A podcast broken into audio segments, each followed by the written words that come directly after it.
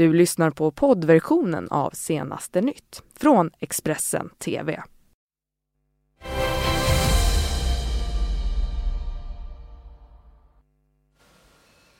God morgon! Hjärtligt välkomna hit till Senaste nytt denna måndag den 21 januari. Jag heter Ylva Johansson.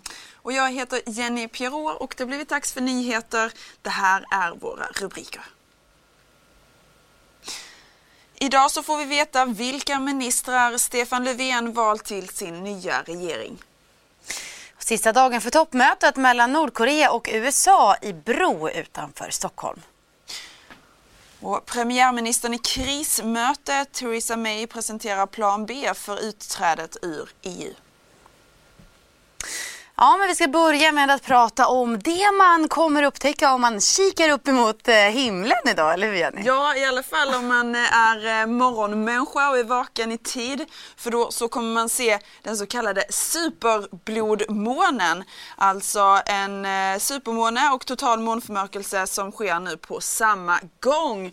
Och exakt det här kommer inte inträffa förrän som tio år. Nej, igen. och eh, därför bör man, ju, eh, bör man ju ge sig ut och, och eh, kika på den här då med andra ord. Och hela Sverige verkar ju ha klart väder, goda chanser för att se det här fenomenet här idag som ju eh, blir eh, som häftigast klockan ja, väldigt tidigt under morgonen faktiskt. Kvart över sex på morgonen enligt uppgifter till SVT så ska månen nå maximal effekt. Ja, och, eh, men om man eh, är då som jag och gärna sover lite extra, om man inte jobbar i alla fall, så kan man också titta upp mot himlen vid åtta tiden och har man riktigt tur så får man se en skymt av den då. Men den häftigaste stunden har ju gått förbi då vid kvart över sex. Ja, och med det så ska vi ta oss in i politikens värld. För idag så ska ju Stefan Löfven eh, hålla en regeringsförklaring till riksdagen där han ska redogöra för det viktigaste i den politik som han vill arbeta för framöver. Och eh, regeringsskiftet äger formellt eh, rum vid en så kallad konselj på slottet där statschefen, alltså kungen, är eh, ordförande. Och eh, efter det så kommer Sverige officiellt ha fått en ny regering. Ja precis, Stefan Löfven presenterar alltså den idag och under regeringsförklaringen så kommer Löfven att redogöra för det viktigaste då i sin politik som han vill arbeta med framöver men också presentera det vi har undrat här under hela veckan, eh, vilka som blir hans nya ministrar i den här regeringen. Och det kommer ske en del förändringar vad gäller ministrarna. En av dem som spekuleras göra comeback som minister är Socialdemokraternas gruppledare i riksdagen, Anders Ygeman. På måndag klockan 11 kommer Stefan Löfven att presentera vilka ministrar som kommer att ingå i den nya regeringen. Enligt politiska experter blir möbleringarna i en ny regering troligtvis inte så stora. Det finns många som hoppas på den tidigare inrikesministern och den nuvarande gruppledaren Anders Ygemans återinträde. Han är en väldigt bra eh, företrädare. Han hör hemma, tycker jag, på en regerings, i en regering. Det andra namnet är Aida Hadzialic. Hon var gymnasieminister när hon 2016 avgick efter att ha åkt fast för rattonykterhet. Alla är tämligen överens om att Anna Ekström, tidigare gymnasie och kunskapslyftsminister, blir chef över hela departementet och därmed blir utbildningsminister. Jag tror att hon tar över den, att det är ett område som Socialdemokraterna ändå vill äga. Gustaf Fridolin har inte alls fungerat som eh, chef. Flera har också pekat ut Miljöpartiets Maria Färm som ny migrationsminister men enligt uppgifter till Expressen är Miljöpartiet inte ens sugna på posten. I den nya regeringen kommer vi inte se kultur och demokratiminister Alice Bah Kuhnke som toppar Miljöpartiets lista till Europaparlamentsvalet i maj. Även Helene Fritzon lämnar regeringen för att skickas till Bryssel. Miljöpartiets nuvarande språkrör Gustav Fridolin har sedan tidigare gått ut med att han ska lämna sin post. Privat så får jag erkänna att jag längtar efter eh, livet efter heltidspolitiken och att få börja undervisa igen. Mm, Socialdemokraternas gruppledare Anders Ygeman är ett av namnen det spekuleras kring. Och han gästade ju också gårdagens eh, Agenda i SVT och fick då frågan om de socialdemokratiska väljarna kan lita på partiet efter att man ju gått med på politik nu som man innan valet varnade för. Ja, Ygeman menar att alternativet hade varit en högerledd regering och att väljarna hade fått förstå detta. Än så länge så ser det ut som att väljarna gillar den här politiken. Vi ökar i de senaste opinionsundersökningarna. Men jag tror också att väljarna vill se politiker som kompromissar. De vill inte se politiker som står i sitt eget hörn och tjurar och säger blir det inte precis som vi vill, ja, då tänker vi inte vara med. Men precis och vi får vi ju vill. möjligheten att på andra områden driva utvecklingen i positiv riktning. Mm. SVTs Agenda gästades också av Sverigedemokraternas ledare Jimmy Åkesson. Eh, han sa att moderatledaren Ulf Kristersson någonsin, eh, att om han någonsin vill bli statsminister så kommer han att behöva Sverigedemokraternas stöd. Ulf Kristersson någonsin vill bli statsminister i Sverige så kan han inte bli det utan mitt stöd. Och det tror jag att han förstår, annars har han ju inte fattat något. Men, men hur ska det samarbetet, det oppositionssamarbetet gå till med den här tonen? Ja, men jag, jag har respekt för att man ser det så här. Eh, nu har man haft ett allianssamarbete i nästan 15 år och det kommer att ta tid för både Moderaterna och Kristdemokraterna att landa i det att det inte finns längre. Och det kommer förmodligen att ta ett tag under den här mandatperioden. Jag är beredd att ge dem den tiden. Men under den här mandatperioden så menar jag åtminstone att vi måste kunna forma en gemensam stark offensiv opposition mot det här vänsterliberala regeringsblocket. Ja, med det så lämnar vi politikens värld. Eh, nu så överger ICA-handlarna Postnord, det rapporterar Dagens Nyheter. Den snabba tillväxten inom e-handeln har nu fått postombuden att krokna och är orsaken till att flera ICA-handlare nu lägger ner sina postombud. Att detta sker just nu beror på att det nya ramavtalet mellan ICA och Postnord snart träder i kraft. I fredags så valde hela 15 ICA-handlare att inte skriva nya avtal med Postnord. Ja, och nu så till helgens stora samtalsämne i dubbel bemärkelse. Det är ju runda samtalen som jag menar som har pågått på konferensanläggning vid Mälaren i Stockholm och eh, det här mötet mellan USA och Nordkorea där väntas alltså avslutas idag.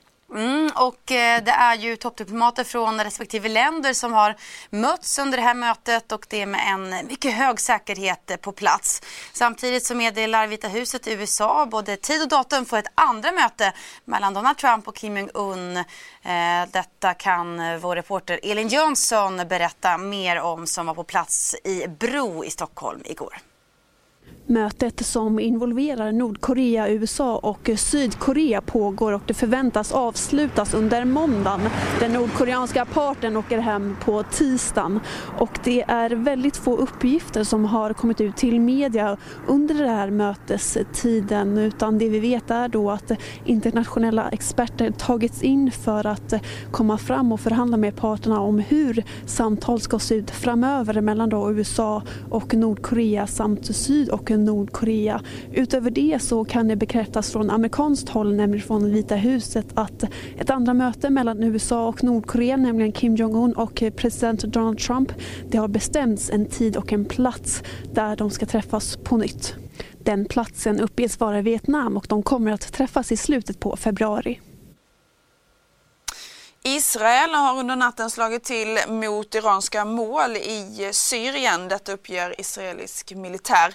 Enligt uttalandet så riktar sig attacken mot specialstyrkan Quds som ansvarar för den iranska revolutionsgardets insatser i utlandet. Informationen eh, kommer efter att israelisk militär sagt att de har stoppat en eh, raket som avfyrats mot eh, Golanhöjderna. Och med det så ska vi till Storbritannien. Ja, för dagen när Storbritannien just ska lämna EU kommer allt närmare. Samtidigt så råder det ju fortfarande politiskt kaos i landet. En stor grupp eh, brittiska parlamentariker vill nu att Theresa May ska skjuta upp eh, Brexit för att ge henne mer tid att lösa en mjukare variant av det här EU-trädet. Igår så satt Theresa May alltså i krismöte via telefon med den brittiska premiärministern eh, och idag så ska hon presentera plan B för Storbritanniens utträde. A pantheon of kings and statesmen surrounds the Palace of Westminster. Men who commanded respect, inspired loyalty, and who, with all their flaws, were leaders. I have nothing to offer but blood, toil, tears, and sweat. What might they make of the chaos now flooding through the Mother of Parliaments? Churchill once said of the House of Commons, this little room is the shrine of the world's liberties. Order! In recent weeks, it seemed more like a monument to indecision. In all fighting, we look, we must look ridiculous all over the world. What a disaster. We should have had it done. Should have been finished. You know what I mean? It was a disgrace. Churchill's grandson and current MP called for a sense of purpose in Parliament. Mr. Speaker, to coin a phrase from a greater, kinder, and more resolute period in our national life.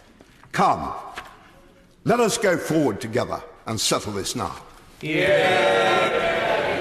Together, not Theresa May's government, which crashed to the worst parliamentary defeat in history in trying to push through its Brexit deal.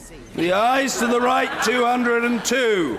The nose to the left, 432. Not the Labour opposition, which swiftly rejected the Prime Minister's better late than never invitation to talks on Brexit. The government is in disarray.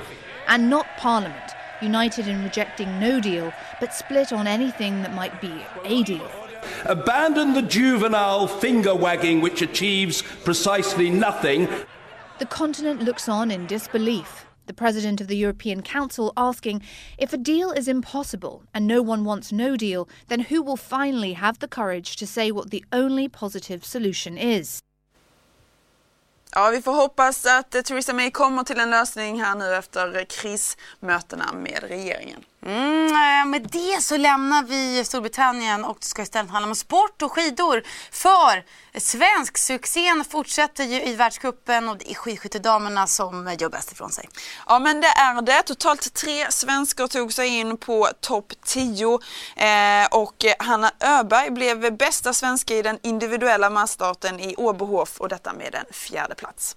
Eh, ja, det vet jag inte. Det är riktigt kul och riktigt roligt att de andra två gör riktigt bra lopp också. Linn med fyra nollor, det, det är snyggt.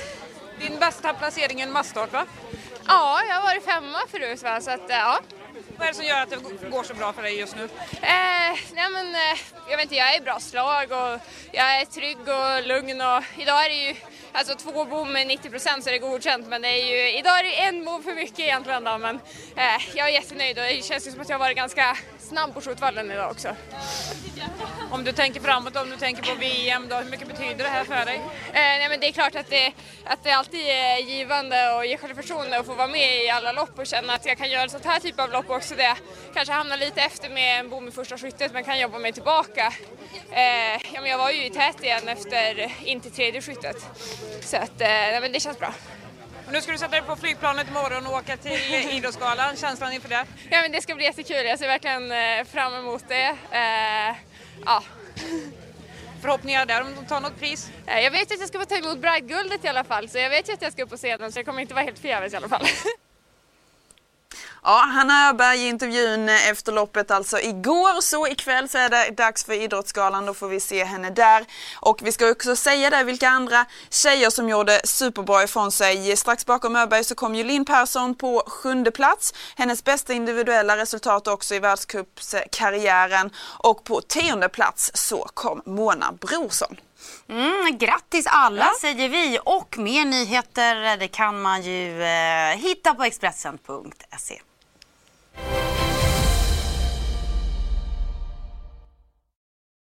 Du har lyssnat på poddversionen av Senaste nytt från Expressen TV. Ansvarig utgivare är Thomas Mattsson.